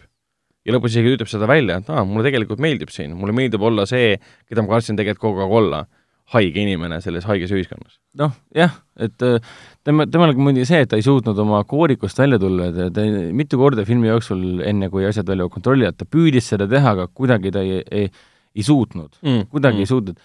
ma täna nagu just mõtlesin ka, et äh, enne seda, kui ta teeb nagu selle esimese paugu ära, mis äh, sütitab ka ülejäänud, ülejäänud filmi nii-öelda taustajõul, see oli huvitav jälgida, kuidas kogu esimene pool tegelasest on see, et ta, ta on, ta laustatakse rämedalt pähe lihtsalt Mm. mm. ja ta ei, ja ta, ja ta kõik hoiab seda enda sees, ta ei, ta ei füüsiliselt ja äh, suuliselt ta nagu mitte kuidagi ei väljenda oma pahakspanu, ta püüab ennast natuke kaitsta, aga põhimõtteliselt on selline inimene, kes on äh, läheb kohe oma koorikusse ja kannatab ära nii-öelda mm., kuidagiviisi. põhimõtteliselt me võime selle filmi kohta öelda nagu ühehäälselt, see näeb kena välja, see kõlab kenasti, Joaquin Phoenix on suurepärane, aga me võime öelda siis ka seda, et karakteriarenduses ja loos on siin mõned subjektiivsed probleemid, mis ei lasknud meil võib-olla, no mitte meil kõigil siis, aga võib-olla Helenil, isegi minul on neid probleeme, lõpuni välja nagu uskuda seda, mida film meile tahtis esitada. jaa, et film võis mulle väga meeldida, meeldida, aga see ei tähenda, et ma ei oleks nõus sellega, et see psühholoogiline kaar äh, selle Jokeri tegelase juures ei oleks kohati mõjunud kuidagi umbes sellisena, nagu Hollywood püüaks teha psühholoogilist kaart. jah, et midagi siis... kuskil on nagu väga valesti, nagu justkui toimub, toimib, aga sa vaatad ja midagi on valesti ja sa ei saa aru, mis see on ja. nagu, et see, see on ongi... nagu kuidagi hästi maskitud, et päris... nagu toimib, onju. USA kriitikud on ka päris tihti küsinud, et what's the point ehk siis ja, mis, mis selle Jokeri äh, filmi tagamõte on, et päris paljud on jäänud see õhku küsima, see küsimus on jäänud õhku, et mis selle point siis on? no see paljusid hirmutabki, et äh, Todd Phillips tegi filmi mehed, kes läheb hulluks ja hakkab tapma mm. ja millel ei ole tegelikult mingit moraali ja loeti lõpus umbes niimoodi, et reisijal mõistab hukka tema käitumise, ta ei mõista hukka seda käitumist. ta oleks võinud nagu üle võlli juba minna, kui ta nagu sellesse, selle, selle koha peale nagu, läks. võttis tagasi ennast selle koha pealt ka. aga tundub jah, paljusid nagu hirmutab just see ja siis noh, omakorda see film on tekitanud probleemi, kus väga paljud on veendunud, juba on ilmunud artikleid ka nagu kohtades, mida mina tavaliselt loen, kus mhm. öeldakse, et ärge minge nädalavahetusel filmi vaatama mm, -hmm. mitte sellepärast, et keegi hakkab kuskil tulistama, mida ka kardetakse, politsei on kohal, turvamehed on kohal Äh, ja mingid väiksed ohud on juba olnud põhimõtteliselt, aga midagi päriselt pole juhtunud. ja öeldakse, ärge minge vaatama, sest see on mõttetu film, mis ülistab vägivalda see on film, mis saab valesti aru Taxi Driveri ja siis ma ei tea, King of Comedy ja paljude teiste filmide ei, eesmärkidest. ei. ma pole üldse sellega nõus mm. -mm, seal ei ole midagi siukest. see on, see on mingi USA peavoolukriitikute mingisugune vajadus tegelikult välja, olla vastuolu. see on välja mõeldud probleem, see pole esimene film, mis on selline. on hullemaid, noh, John Wick, noh no,. John Wick, okei okay,, aga Oliver Stone'i see um, Natural Born Killers, kus omal ajal välja tuli, lugesin ka Juliette Lewis, kes mängis seal peaosas koos uh, Woody Harrelsoniga, Harrisoniga, rääkis ka, kuidas ta omal ajal siis, kui ta käis pressituuri, kuidas kõik kriitikud ajakirjanikud ründasid teda, sõimasid teda, sina oled süüdi vägivallapuhangutes. see film, seda filmi nüüd seostatakse mm -hmm. muidugi sellega, et tuligi mingisugune tüübi, aga film polnud selles süüdi ja see pole esimene ega viimane kord, kui filmi süüdistatakse vägivallas ja omal ajal tuli Joel Schumacher tegi niisuguse filmi nagu Falling Down, kus Michael Douglas on mingi sinikrae, kes ühel hetkel otsustab, et uh, fuck this world, võtab relva kätte ja põhimõtteliselt käib kõiki nagu ebaõiglaseid inimesi tapmas keset mm -hmm. tänavat ja lõpus sureb ise ka ära. ja neid filme on see omal ajal tuli välja. Jokker ei paista silma selle poolest mm. -hmm. jaa, aga Falling Down tuli ka omal ajal välja, see oli üheksakümnendatel, kõik tegid kriitikud seda maha, et see on film, mis õhutab vägivalda, see tuli samal ajal välja, kui mingi Rodney Kingi need rahutused olid, see on film, mis kasutab ära meie ühiskonnas olevaid rahutusi, et Jokeri kohta võib sama öelda, et meil on olnud USA-s palju massitulistamisi, Joker tuleb välja, mis üldistab nagu intselid, kes on mingi naiste vihkaja, kuna naised teda ei taha ja siis ta vaatab seda filmi, läheb ka tulistama see on pigem see, et see on järjekordne film nagu äh, see Falling Down või siis, või siis Taxi, ma ei tea, kas Taxi Driveril omal ajal kriitikud kirjutasid või rääkisid sellest, et nüüd lähevad inimesed poliitikud tulistama. ei, Jokker ei ole ta, ta, ta, ta ei ole eriline film vägivalla kasutuse ei poolda relva, relvavägivalda, siin, siin pooldamisest, siin, siin ei ole tegelikult midagi sellist, see on lihtsalt tegelikult väga kurb lugu sellest, kuidas üks mees on tegelikult vaimuhaige eh, ja, ja ta on lihtsalt jäänud üksinda koos oma haige emaga, kes on enam-vähem sama vaimuhaige, eh, põhimõtteliselt ta räägib sellest, kuidas ühiskond on põhimõtteliselt eh, korrumpeerunud ja vaesunud ja laostunud, tema jääb kõigist võimalustest ilma ja ta on üksi ja ühel hetkel ta siis äh, mõtleb ja otsustab, kuidas seda olukorda kõike äh, enda kasuks äh, ikkagi pöörata ja ta otsustab, et kui ma juba olen selline, nagu ma olen, siis ma äkki jäängi selliseks. ehk siis kõige ohtlikum asi, mis selle filmi juures saab nagu välja tuua, on see, et peategelane on, ta ei ole antikangelane ega kangelane, ta on tegelikult äh, vääriti mõistetud, kes mõistab ka iseennast vääriti, ta on nagu sotsiop-, me näeme nagu sotsiopaadi sündi. film ei ürita minu silmis nagu see on lugu sotsiopaadi see... langemisest äh, nagu põrgusse põhimõtteliselt. ja film ei ürita meil, minu silmis vähemalt tekitada sümpaatiat tema tegude suhtes. ei, ta, ta ega, nagu ega need lõpuminutid meil siis ei tekitanud seda, et oh, nüüd tahaks ei. ka olla Yo go guy ja rule the, ei, ei, ei, absoluutselt minu, mitte. minu, ma tundsin nagu sügavat kaastunnet lihtsalt sellele, et noh mm., need, see ma ütlen, et selle ühe sõna, see kapotikaan, et see no see, see pigem tekitas niisuguse tunde, et nagu ma saan, ma saan temast aru, sa oled nagu sotsiopaat, sinu jaoks need teod on nüüd õigustatud, aga, aga see ei tähenda, et mina temaga nõus olen. film, film laseb tema, laseb teda mõista. aga mõistmine ei tähenda seda, et ma pooldan teda. ta on antikangelane, kelle tegusid me mõistame, miks need juhtusid, aga me ei kiida neid heaks. jah, et noh, ega, ega Taxi Driverit ka me heaks ei kiitnud, läheb Mm-mm. poliitikut tapma seal ja okei okay,, see oli lahe, et no lõpus ta hakkas sutenööre. tapma, et see oli tore, et noh. no selles mõttes küll, jah, jah.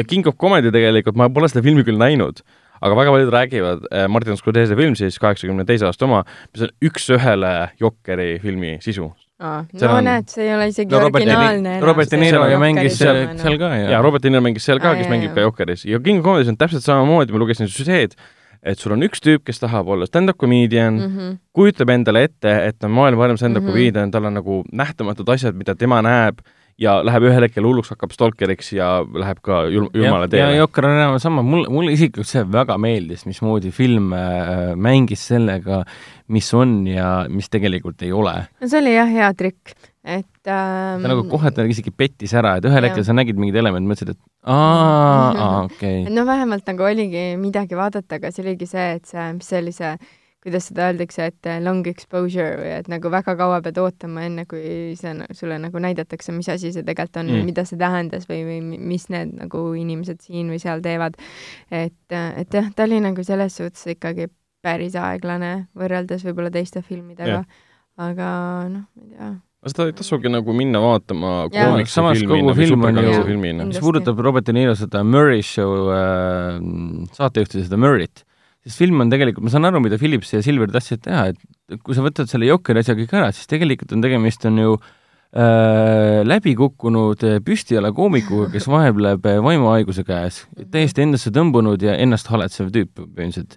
ja siis tuleb see Murray, kes tegelikult äh, ühiskonnakriitiline film, täiesti mm. nende poolt Mhm. kirjutatud väga ühiskonnakriitilisena, kuidas me tänapäeval meie ühiskonnas ju tegelikult naeruvääristame internetis ette ja taha kõike, mis vähegi on võimalik. kõiki. ja tulemus on see, et see film tegelikult ilmestab seda, et mis siis oleks, kui üks, keda on naeruvääristatud mm. ette ja taha, lõpuks otsustab, et ta teeb midagi. see on see on ju hoiatav film tegelikult, äkki me ei teeks rohkem sellist asja või äkki me näitaksime rohkem sümpaatiat ja inimlikkust inimeste vastu, kes tegelikult ei pruugi, no antud meie peategelane ongi selline, et ta, ta ei saagi aru tegelikult, et ta midagi väga valesti teinud Mm. Mhm. pool filmi ta elab omaenda fantaasiates ja siis lõpuks on see mingi oota, see oli halb või? Mm. ja no ta, ta ongi, ta alustab nagu psühhopaadina ja siis ühel hetkel saab aru, et aa, see ei häiri mind, siis on mingi, aa, ta on sotsiopaat, teda lihtsalt ei huvita absoluutselt, mis, mida ta teeb jaa, ja, teistele nagu- inimestele ja. mis puudutab Batman'i universumit, ärge saage valesti aru, et ta on tegelikult osa nii- nii-öelda Batman'i universumist mm., veinid ja kõik see, minu meelest oli see minu meelest väga maitsekalt lahendatud, et need asjad jäeti tahaplaanile mm. -hmm. Jokker tegeleb täiesti omaenda isiklike probleemidega ja tema, tema no isiklikud teod siis mm, -hmm. ei ole seostunud veinide ja Batmanidega ja nii edasi. jah, kuigi, kuigi see tseen selle äh, noore väikse Bruce, Bruce Wayne'iga oli iseenesest päris tore jah, jah. Et äh, aga nüüd hakkame spekuleerima ka, enne kui lõpetame äh, selle koha pealt, et äh, ma, mina küll loodaksin, et see, kuna Matt Reaves on tegelikult fucking äge režissöör mm., eriti see, kui ta tegi need äh, Let the right, Let the, Let me in'i ja siis muidugi ta on kuulsaks saanud tänu sellele kahele viimasele Ahvide planeedi filmile Mm. äh,. Dawn oli teine, Dawn of the Planet of the Apes. Dawn oli teine ja siis oli War, War kaks suurepärast draamat põhimõtteliselt. viimane Ahvide film oli mingi kaks tundi või kaks ei, viisteist. Dawn oli esimene, Daniel Rice äkki või? ei tea, suva ma ei. mäleta enam, igatahes, aga see viimane Ahvide planeedi sõda oli põhimõtteliselt mingi räme draama jah, jah. ja see mulle nii meeldis, et ma tegin kaks tundi viisteist minutit Hollywoodi rahade eest draama Mm. ja siis Matt Reaves on täiega Nolanlik ja samamoodi nagu Phillips ka, nende mõttekäik on pigem see, et mingi samamoodi nagu see Ad Astra äh,, James Gray Mm. Nende mõttekäik on see, et nii, mulle antakse sada miljonit, ma teen räige ühiskonnakriitilise draama. ja siis stuudio mingi, oota, sa pidid tegema superkangelase filmi ju, ei, ma teen räige ühiskonnakriitilise draama. okei okay,, aga tee siis nägu, et see on ikkagi superkangelasest, okei okay.. jaa, põhimõtteliselt et mulle, mulle see meeldib, et nad võtavad kätte, et mingi hmm,, Jah. ma, ma nüüd trikitasin endale raha välja, et saaks Aga- päris filmi teha. jah, aga võib-olla lõpetuseks mainiks võib-olla nii palju, et äh, see Joker pigem teeb head äh,, ma mõtlen nüüd jaa, koomiksi filmidele. jaa, jaa. et pigem see on see, et kui ta nüüd räiget raha teenib, siis Warner Brothers ja kõik need suured stuudiod, kes on oma filme nii palju ära rikkunud sellega stuudiosüsteemiga, et lihtsalt kõik peab olema ühesugune, vaatavad, et kuule, äkki me võtame oma stiiliga reisijad, äkki me teeme kuidagi teistsuguseid lugusid, mis ei ole kõik äh, Batman võitleb mingi koletisega tulnud. jaa, et kuna, kuna Jokker on kosmosest. sada protsenti erinev sellest, mis on tehtud Jokkerit ei saa isegi nimetada superkangelase filmiks, sest ta põhimõtteliselt ei ole seda mm. -hmm. ta ei ole kom ka comic book movie, isegi Vikipeedias on kirjas, et ta on American psychological thriller, ta ei ja. ole American comic book movie ja nii edasi. ma arvan, et Marvel vaatab selle filmi edu ja mõtleb, aga meil pole vaja, meil on Deadpool olemas juba. ehk siis see on mingis mõttes nagu, nagu teine võimalus äh, väga tõsiseltvõetavatele filmidele, mis võivad seostuda siis super, superkangelastega. esimene ja. võimalus oli siis, kui Nolan tuli, aga Nolan jäi endale kindlaks mingi näe, saite oma peeni kätte, ma nüüd lähen mm. teen oma asju. kuigi ma veits nagu mõistan ka seda kriitikat, mis on igalt poolt nagu läbi käinud, et kui sa võtad sellelt filmilt ära selle, et ähm, ta on Jokker või Batman ja kõik see, mis on sellega seostub, siis ta on niisugune eh, psühholoogiline draama. päris äh, alla, alla keskmise ikkagi. aga kui sa paned sinna Jokeri juurde, sa tänu sellele ajaloole, mingi kaheksakümmend aastat vana tegelane, see omandab mingisuguse suurema tähtsuse väga paljude jaoks, et yeah. näe, koomiksfilmid teevad midagi teistmoodi. see on see kahetasandilisus. lihtsalt PÖFFil linastunud äh, või kuskil Sundance'il linastunud psühholoogiline triller, siis paljud ütleks, et päris hea, aga noh, lugu on niisugune eh. ja kõik ütleksid sama, mis praegu tegelikult, et no, jaa, Phoenix on suurepärane, andke -hmm. Oscar, aga film on niisugune enam-vähem.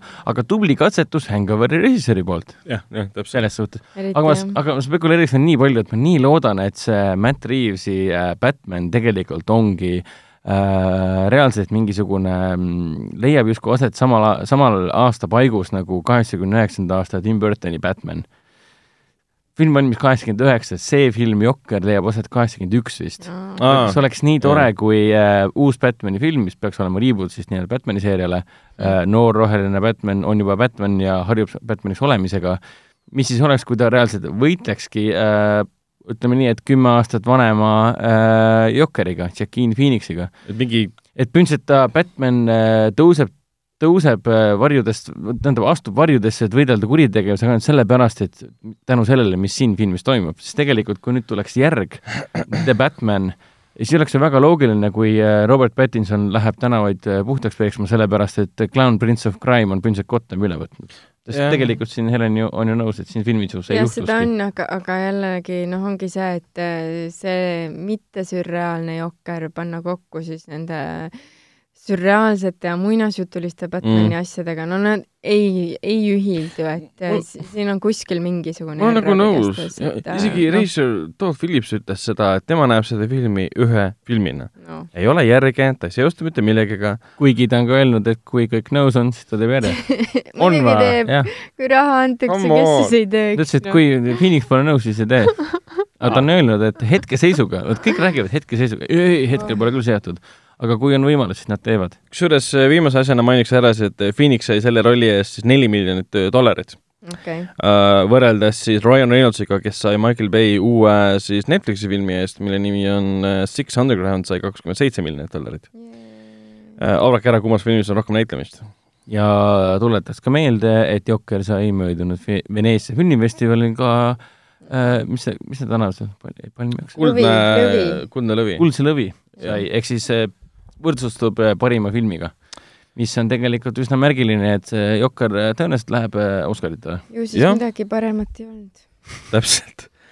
vot, aga sellega vist tõmbame joone alla Jokkerile mm -hmm. praegu, et tegelikult me filmi kiidame, aga ka ohtralt, ohtralt kritiseerime, mis ei muuda seda filmi halvaks, vaid pigem selliseks, et ega tegelikult IMDB-s on praegu rahvas väga nagu ütleme, sillas sellest filmist, üheksa koma kaks aga kui sa vaatad Rotten Tomatoes, kus kriitikute arvamused, seal on seitsekümmend. ehk siis mulle selline lähenemine meeldib, et rahvas on hullunud, sest see on rahvas, aga kriitikud mingi, eh, okei okay, film ju, samas eh, miks mitte. et vot, aga lähme edasi või tahate veel mainida mõne sõnaga? Lähme edasi, meil hakkab äh, aeg otsa saama. jah äh,, räägime, räägime ühest suurest äh, väga värskest äh, uudiseks, uudisest, millest on muidugi, milleks on muidugi tõsiasi, et äh, järgmise Bondi filmi eestikeelne pealkiri on siis Surma peab ootama. surm peab ootama. ei, Surm peab ootama. selle siis inglise keele pealkiri on No time to die.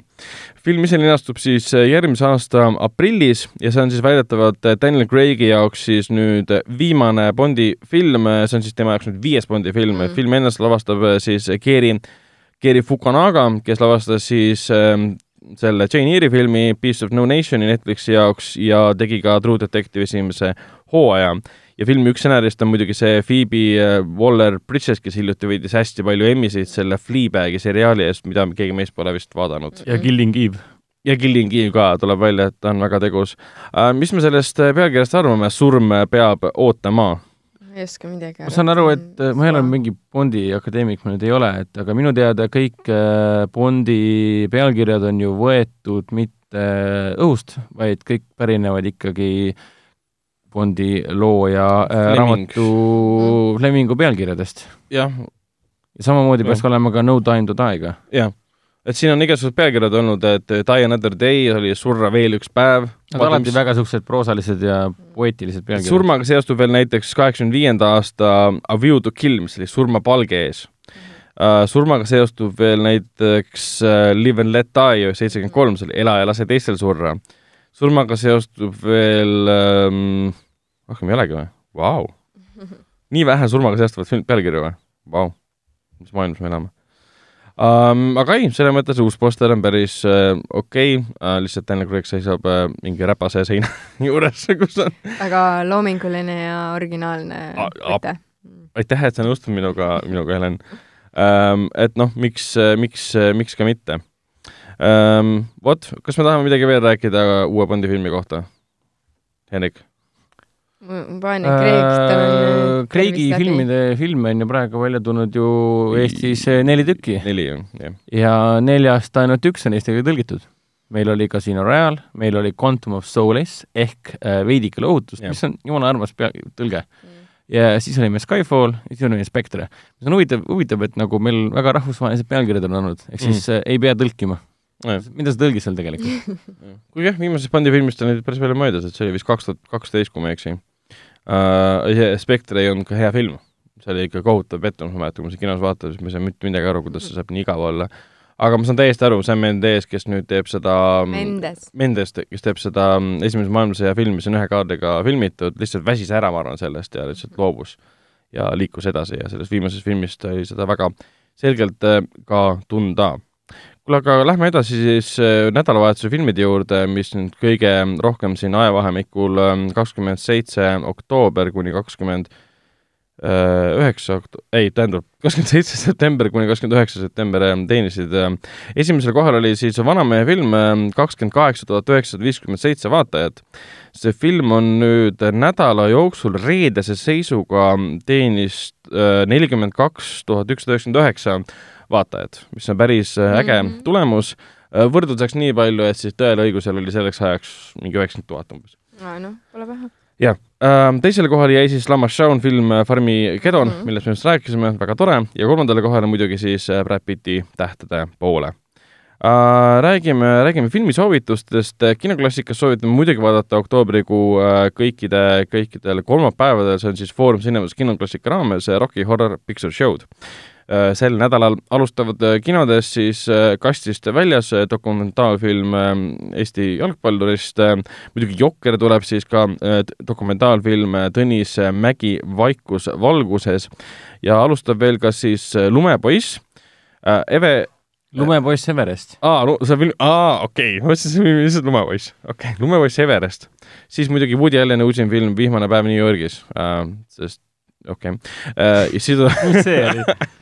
Seda on nii maha tehtud lihtsalt praegu ja noh, sellest Woody Allen uh,. siis alustab ka vene film Sangar, siis tuleb välja ka Zeroville, mis on James Franco kaks tuhat seitseteist aastast pärit film, mis teenis avanädalavahetusel USA-s kolm tuhat dollarit ja see tuleb meile kinno. ja on räigelt maha tehtud ka, öeldakse aasta halvimaks filmiks. filmid meil on Tõnis Mägi, millest ma ei ole mitte midagi kuulnud, kes on on- Eesti üks suurimaid äh, muusikuid, eks ole. Eesti filmist, millest meie isegi ei tea midagi, siis tuleb mingi Surevas Zerovill ja siis tuleb mingi Woody Allen, kelle juba mingi aasta aega tagasi inimesed kandsid ta juba maha, ei, nüüd on ta uuesti kinos, ta on jälle režissöör, no problemos. mis toimub? Uh, no selle Vihmase päeva New Yorgis oli see, et see on tal ammu valmis ja siis pandi ma tean, riiulisse. ma tean, aga Lõpus no ongi see, et aa, meil läks üle, me läksime, meil läks meelest ära, et ta Mm. midagi halba võib-olla äkki Mm. teinud on, paneme kinno. ei no Tõnis Mängi Vaikus valgus on kindlasti suurepärane dokumentaalfilm, sellest on jah vähe saad- kuulda olnud jah, täpselt, sa ei tee filmi ju niimoodi, et aa, see tuleb homme kinno mm.. Sellest võiks nagu ikkagi varem olla noh, teada juba. lumepoiss Everest on praegu juba korralikult USA-s teeninud ja kriitikutele film väga meeldib. mina nägin treilerit, ma ei jõua ära oodata, millal ma seda filmi va saan vaatama minna, see oli tundus väga nunnu nii. nunnu. ja pärastpulmi tundub ka väga okei okay film. jaa, see oli lausa õudne. ja, aga samas põnev. ma, Äh, okei, ma juba soovitan ette ära, et Okei. seda võiks Okei. vaadata. Um, soovituste koha pealt veel siis eh, Netflixis soovitan kindlasti vaadata In the Tall Grassi, In the Shadow of the Moon'i, millest ma just rääkisin, South Park, mis jõudis hiljuti ja Instant Family uh,, see on siis Mark Wahlbergi uh, üks uh, komöödia, mis oli vahepeal seda ma vaatasin. kiirperekond. Ai, see oli kinos. mul oli oli ju kinos ka, nägemata, aga ma mäletan, et ma ei vaadanud seda, aga ma lugesin, et kõik kriitikutele meeldis see mm.. nüüd Mm. ma tahan nagu teada, kas on seda väärt. jah, täpselt uh,. lisaks uh, Telia HBO-s peaks olema selline seriaal nagu Beforeigners, Be Foreigners. põhimõtteliselt räägib sellest, kuidas erinevatest aegadest, ajaloolistest aegadest satuvad tänapäeva äh,, tuuakse tänapäeva siis inimesed, on see siis viikingajastu, on see siis esimene maailmasõda, teine maailmasõda, mis ajastud seal veel siin on siin, see on põhimõtteliselt kunagi oli niisugune seriaal nagu The Forty Four Hundred ehk, ehk siis neli tuhat nelisada, mille kontseptsioon seisnes selles, et ühel hetkel hakkab lihtsalt välja ilmuma äh, aastaid, aastasadu, aastakümneid tagasi kadunud inimesed. Aga seal on, asjad liikusid rohkem ikkagi tänapäevast kuni, ma ei tea, neljakümne viienda või kolmekümne üheksanda aastani. nüüd tundub, et seesama kontseptsioon on kolinud siis, mis ta oli, Norra või? Äh, jah, kolinud Norrasse ja nüüd on tehtud siis niimoodi, et, et juhtub sama asi, et nii-öelda äh, suure pauguga justkui ilmuvad nad välja, justkui transporditakse nende ajast meie aega, keegi ei tea mm., miks ja kuidas. Ehk siis neid tekib terve hunnik, küll meil on siin kiviajast pärit mehed ja naised, küll on meil siin, ma ei tea, X aegadest, nii kaugele kui vähegi on inim-, nii, inimajaloos võimalik. Nad tuuakse siia, mööduvad muidugi aastad ja tulemus on see, et see on mingis mõttes nagu immigratsiooniteemaline mm. -hmm. ulme, ulmefantaasia seiklusseriaal, kus siis äh, nad püüavad äh, immigreeruda äh,, kohaneda uue aja ja uue riigiga, kus nad praegu okay. on. Ja minu meelest üks äh, politseinike paar, kes seal tegutseb, on siis nagu lahendavad erinevaid mm. -hmm. äh, Be-Foreignerite teemaliseid äh, mõrvu ja erinevaid krimijuhtumeid mm -hmm. ja seesamune üks nendest äh, politseinikest ongi siis endine kiviaja, kiviaja naine. okei. jah, see ongi selline kiviaja naine või? jah, ja see film, film, see sari käsitleb seda teemat, et kuidas nad äh, segunevad ja kuidas nad harjuvad mm Mhm. -hmm. selle eluga teiste inimestega, kuidas neisse suhtutakse, kuidas nemad suhtuvad, kuidas nad saavad ühiskonda sulanduda ja nii edasi, selli-, sellisel teemal ja samal ajal lahendatakse seda probleemi ka, et kuidas üldse sai juhtuda. päris lahe, päris lahe. no kõlab iseenesest hästi, ma ei ole vaadanud. aa, tead nii palju sellest. ei, ma lugesin sünopsist, mis asja nagu, seal oli kõik kirjas. Kusjuures eh, viimane asi, mis tuli vahepeal välja, internetis jagatakse pilti ühest USA kinost, kus on Jokeri linastuste juurde pandud suur silt, kus öeldakse, et selle filmi linastumisele me ei lase inimesi, kes tulevad seda üksi vaatama Noh.. ainult paarikesed võivad tulla, et no singles allowed. ehk siis nad kardavad õige. seda nii väga, et kui tuleb üksik mingi tüüp, siis tal on mingisugune relv taskus, kes, kes tavaliselt tulistab, on äh, küllaltki noorema, noorem mees mm, -hmm. Intsel on noorem mees ja ta on üksinda alati. samas Oliver Stone'i, Oliver Stone'i juures, ah issand äh,, mis see film oli nüüd? siin on pool kirjas. jah, seal oli paarike. jah, täpselt. nii et äh, siin on alati ka mitu otsa võimalik, nii et oh kui, jah. kui kes tahab, see tsiteerida, saab alati, nii kui tsiteerida klassikuid, siis äh, piip, elu on ikka seiklus. elu, elu on tõesti seiklus uh,. Wow. Amazon, Amazoni mainime ka ära, me ei olegi täna kordagi vanamehe häält teinud, oodake, oodake, oodake ei, mina ei teinud vanamehe uh, häält. uh, uh,. The Boys on endiselt olemas seal, Carnival Row on olemas seal, Undo-, Undone on olemas ja Fleabag on olemas ja siis Marvelous, Mrs Maisel, mis võitis ka vahepeal kõiki auhindu, mida Helen vaatas, mis talle üldse ei meeldinud. Um, jah, aga sellega ongi meie saade olemas, nüüd me võime vanamehe häält teha. aga vanamehe häält äh, hakkame tegema või? ei no tegelikult ei pea, me võime järgmine kord teha, et see, see Jokker oli ikka tore film, et see, kuidas see eh, Joaquin Phoenix seal ringi tantsis ja inimesi tappis. minu, meelest oli ikka Joaquin Phoenix, aga see film, see film oleks parem olnud, kui seal oleks olnud Vichy ja lapselapsed ka ja laut ja Täit- piima. täitsa nõus, ikka Vissi ja lapselased olid puudu. mis film see on, kus ja- piima pole? Jokker kordagi piima ei olnud, ma ei saanud üldse aru, miks seda piima ei olnud seal, ma nii vihastasin, viskasin kino, viskasin kinoekraani oma piimaga. tõin Vissi kinno, kinno kaasa, istus minu ees. õigus, jah, meil on Jokker teemaks. aa, Jokeri naer, aa, jaa äh..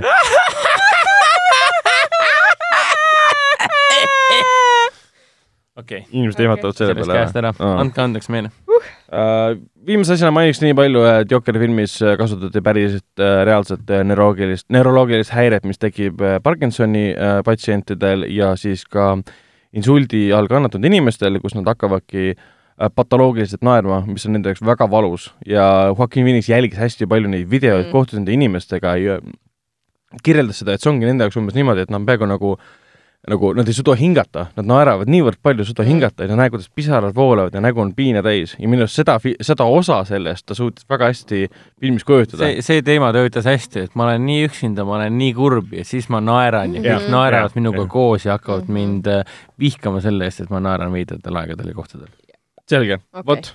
aga aitäh kuulamast, mina olin, mina olin Ragnar, minuga koos olid nagu ikka Helen Goodbye. ja Hendrik. tšau. tšau.